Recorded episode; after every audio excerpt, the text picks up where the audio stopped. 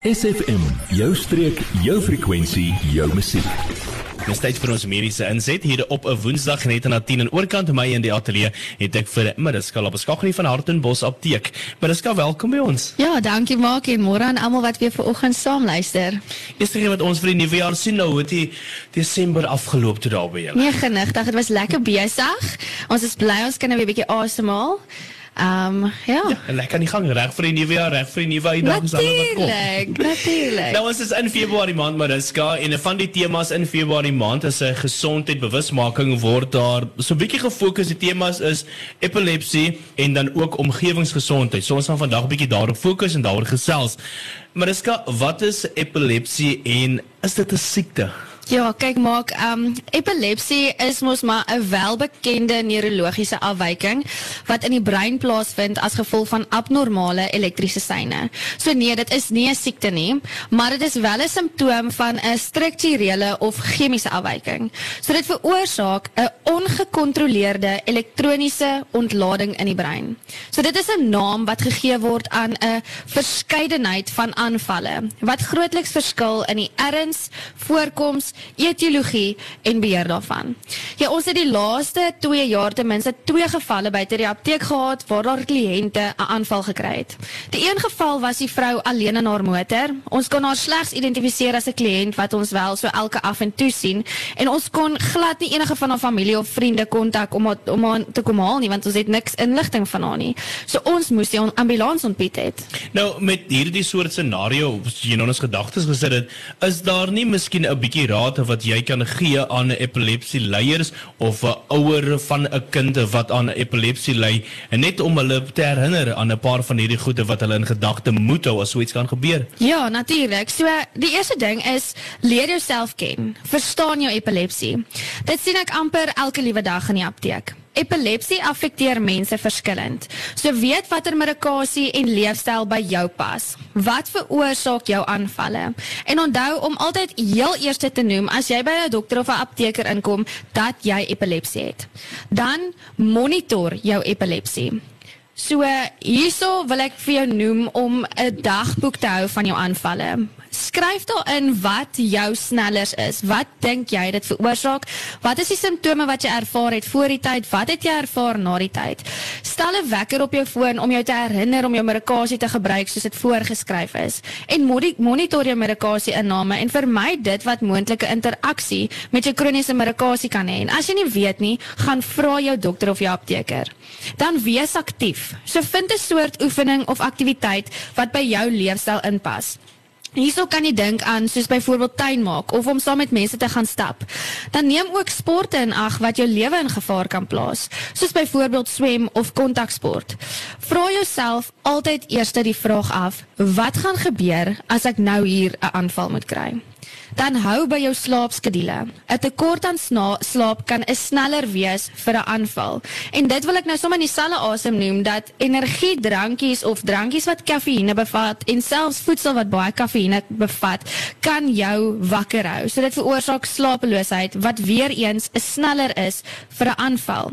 En dan ook die gebruik van alkohol kan 'n interaksie hê met met jou medikasie. So neem dit altyd in ag. En dan seker ook een van die heel belangrikste punte is dra altyd identifikasie by jou. So hou 'n soort kaartjie of 'n bandjie aan jou wat duidelik maak dat jy ly aan epilepsie. En dan ook natuurlik jou naam en jou van insluit. 'n Noodkontrak kontaknommer het en dan ook jou mediese fonds besonderhede het indien dit van toepassing is. En dan as jy ook kan bysit, sit 'n lys van medikasie wat jy gebruik en dan ook moontlike allergie. Ja, net so 'n paar van die belangrike punte sal kan baie help. Nou, hoe kan ons nou, ek neem aan 'n gewone persoon help indien ons op iemand afkom wat 'n uh, epileptiese aanval kry? Ja, maak dit is dis baie belangrik om die persoon se omgewing heel eerste van swaar te kry dat hy hom nie self in die proses kan verder beseer nie. So indien dit moontlik is, kry die persoon op die vloer. In die geval wat ons gehad het waar die vrou in haar motor 'n aanval gehad het, was haar gordel nog om haar lyf gewees. So ons het eerstens die, die veiligheidsgordel uh, afgehaal en ons, ons het haar bank plat geslaan. Dan is dit ook belangrik om haar nie vas te druk nie. So los hulle. Draai die persoon op hulle sy. Dit sal hulle help met hulle asemhaling, maar moet ook onder geen omstandighede enigiets in hulle mond sit nie. Onthou, hulle kan nie hulle tonge insluk nie en in die proses kan hulle self seermaak en jy kan jouself self seermaak. So verwyder ook enige goed soos brille wat enige skade aan hulle aan hulle kan doen, uh dasse en serpe wat hulle kan uh, keer om asem te haal. Sit iets plats miskien onder hulle kop net om hulle koppe te beskerm en dan ook moet nie enige water of kos vir die persoon aanbied totdat hulle tot hulle volle bewussyn is nie. Word deel van ons Facebookblad vandag nog facebook.com vorentoe skuinstreepie sfm streek. Dit is 21 minute na 10 op SFM en is ons mediese gesprek met Mariska Labeskagh, apteker van Hartenbos Apteek. Nou vir Februarie maand, fokus op twee punte vanoggend met die gesondheidsbewusmaking vir hierdie maand. Fokus ons op epilepsie waar ons nou gesels het in die eerste gedeelte van ons gesprek en dan in die tweede punt van ons gesprek of waar daar ook op gefokus word vir hierdie maand is omgewingsgesondheid. Nou Mariska, dit het ons genoem aan die begin. Nou hoekom is dit vir ons so belangrik om na ons omgewing te kyk? So, ek wil die vraag afvra, waarin dink jy as jy die woord omgewingsgesondheid hoor? Dink jy ook aan 'n ideale, ek wil amper sê, soort paradys waar die natuur net op sy gelukkigste is? Die mooiste van die die mooiste tyd van die dag vir my persoonlik is seker maar vroegoggend. Wanneer jy kan hoor en sien hoe die natuur wakker word en waar alles so skoon en vars is. Dit motiveer mense eintlik om reg te wees vir die dag, om op te staan en klaar te maak en net 'n dag te begin. In die tuinroete is ons baie bevoorreg om te kan bly in 'n omgewing wat omring is deur van die heel mooiste natuurskoon. Ons kan kies tussen verskeie tonele van see, woud en Karoo sonder om te ver te moet ry. Dit is so op ons agterstoep. Ek het 'n artikel gelees oor omgewingsgesondheid En wat vir my so mooi opvallende woord was is dat ons as mense onderling verbind is aan ons omgewing. Die natuurlike en mensgemaakte gedeelte van die omgewing wat ons omring, is meer as net die plek waarin ons woon. Die toestand van ons omgewing affekteer ons fisiese en ons emosionele gesondheid. Ons gesel altyd so lekker met ons kliënte wat vir hulle kinders gaan kuier daarbo, want as hulle terugkom is hulle altyd te dankbaar vir ons skoon paaie sonder slaggate, ons skoon en vars lug wat hulle weer inasem en natuurlik ook ons mooi natuur wat hulle omring. Die aantal hoeveelheid spanning en stres wat jy ervaar as jy pad skielik moet ry met slaggate. Nou as dit glad nie hier ken nie, is my seker een van die lekkerste praktiese voorbeelde van hoe ons omgewing 'n effek het op ons emosionele gesondheid. Ja. Nou maar as gou watter omgewingsfaktore het 'n effek op ons gesondheid? So een faktor wat nogals 'n groot rol speel is lugbesoedeling. Blootstelling aan skadelike uitlaatgasse veroorsaak skade aan ons plante en ons diere en dan ook aan ons want dit affekteer ons respiratoriese stelsels. Dan 'n ander ding is water en sanitasie. So dink net gou-gou 'n bietjie hoe jy voel as hulle ons die dag laat weet dat ons nie gaan water hê nie. Want skielik moet jy beplan om genoeg drinkwater in die huis te hê. Jy moet vroeër opstaan, jy moet ehm um, sodat jy kan klaar wees vir werk, jy moet uh, water hê vir die toilette sodat dit kan spoel. En dan nou nog met die beerdkrag saam kan jy nie die wasgoed was nie want jy het nie water nie, jy het nie krag nie. Um so nou kry ook nog steeds gemeenskappe wat glad nie vloeiende water het nie of ook nie drinkwater het nie. So dan ook 'n ander rol 'n ander ding wat 'n rol speel is klimaatsverandering dan ook blootstelling aan chemikalieë en radiasie. Hierso kan ons dink aan hoe gifstowwe gespuit word op plase en dan die gevolg het eh, die gevolg is dat plaaswerkers en families dan nou sit met kondisies soos asma en allergie en dan ook te veel ontwikkeling van nuwe huise en geboue wat ons natuur seermaak. So die vraag is nou mos eintlik hoekom is die omgewing se gesondheid vir ons so belangrik? Ja. So dit verlaag die risiko vir siektes. So hier kan ons kyk na die uitbraak van COVID-19 onder andere. Dan 'n gesonde omgewing verleng ons lewenskwaliteit en ons lewensgehalte en natuurlik ook ons lewensduur. Dit verhoog ons biodiversiteit wat ons benodig vir ons ekosisteem en diereryk om te floreer en deur na ons omgewing om te sien, kan ons 'n bydrae lewer in die vermindering van aardverwarming. Jy, ja jy. Nou dat ons jou aandag het, vertel jou vriende van SFM en ondersteun plaaslik. SFM maak elke dag 'n goed gevoel dag. SFM. Dit is ons mediese gesprek met 'n apteker van Hartembos Apteek, Mariska Labeskagni. Nou Mariska, in ons laaste gedeelte ons gesels nog oor die omgewing. Nou hoe affekteer die omgewing ons gesondheid? Ja, maar soos ek nou voorheen ook nou al genoem het, is dit veroorsaak respiratoriese siektes um weens gifstowwe en toksine wat onder andere in die lug wat onder andere die lug besoedel. So hierdie stowwe kan die kan kondisies soos asma en allergie veroorsaak wat ook natuurlik op die ou en van die dag 'n impak het op 'n mens se lewenskwaliteit en dan ook op jou kardiovaskulêre gesondheid. Daar is ook 'n verhoogde risiko van siektes wat in water voorkom, soos byvoorbeeld kolera, diarree en disenterie, en dit is weens 'n beperkte toegang van water en sanitasie.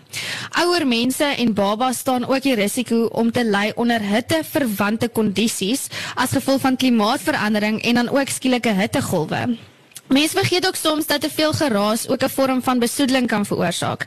Ek het al 'n paar keer ervaar hoe mense sommer uh, vinnig kan angstig raak of uh, kan voel wanneer jy moet fokus op een spesifieke ding en dan die geluide in die omgewing net te hard en te veel is. Dit is so amper soos wanneer jy bestuur en jy 'n kar vol mense het en die radio speel ook kliphard en dan moet jy ry in 'n straat of 'n adres kry en dan um, moet jy die radio sagter sit om net te kan fokus. so dit klink eintlik nou net vir my na 'n goeie resep van 'n stresvolle situasie. En dan is ook daar dan is daar ook 'n paar studies wat bewys dat slegs 3 tot 5 minute in die natuur nodig is om 'n bydrae te lewer in stresverligting. So dit het 'n impak op ons emosies omdat dit ons woede en vrees verminder en dan aangename gevoelens verhoog in die liggaam. So met hierdie in ag geneem, as ons nie na ons natuur omsien nie, hoe stresvol gaan die lewe nie vir ons raak nie. Dan laastens, ons natuurlik die groot werk begin sekerlik by ons. Wat kan ons doen om te help? Ek dink dit is baie makliker gesê as gedaan, maar kom ons begin by ons koolstofvoetspoor. So kom ons probeer dit verminder. So dit dit beteken eintlik maar net as jy kan stap werk toe of kan stap winkel toe of kan fietsry, doen dit. Geniet die tyd in die natuur en die tyd wat jy het in die vars lug. Um maar net om die koolstofvoetspoor so bietjie te verminder. 'n ja, Ander ding is reduce, reuse, recycle. Ek was nou eendag by 'n optrede gewees van 'n kunstenaar en hy het ook nogal genoem hoe hy en sy vrou 'n poging aanwend elke jaar om hierdie stappe ernstig te doen. Dit is maar net sodat jy kan weet jy jy doen iets van jou kant af om bietjie besoedeling te verminder. So kom ons begin deur net ons eie inkopies sakkies winkelsentrum toe te vat. En dan ook groei jou eie groentetuin. Dit is eintlik heel eenvoudig en ek dink dit kan 'n lekker familieaktiwiteit wees. Dis 'n tyd waar jy net weer bietjie in die natuur kom met jou um knieë en jou hande in die grond en dit dis ook 'n geleentheid waar ons weer baie waardevolle lesse kan leer oor die natuur en ook weer oor mense. En daai daai oor jou kinders, jou kleinkinders, dit dat hulle ook so met daai opgroei en dan so indra na hulle kinders se kant toe. Ja, uh, ja, dan is dit so maar net as basiese generasie ding as jy dit so in almal kan plant se wat hulle nie moet moet doen, uh, moet en nie moet doen nie, dan sal dit mos maar vir altyd mos daar wees. En so begin ons goeie rotines. Ja, sê dis die idee.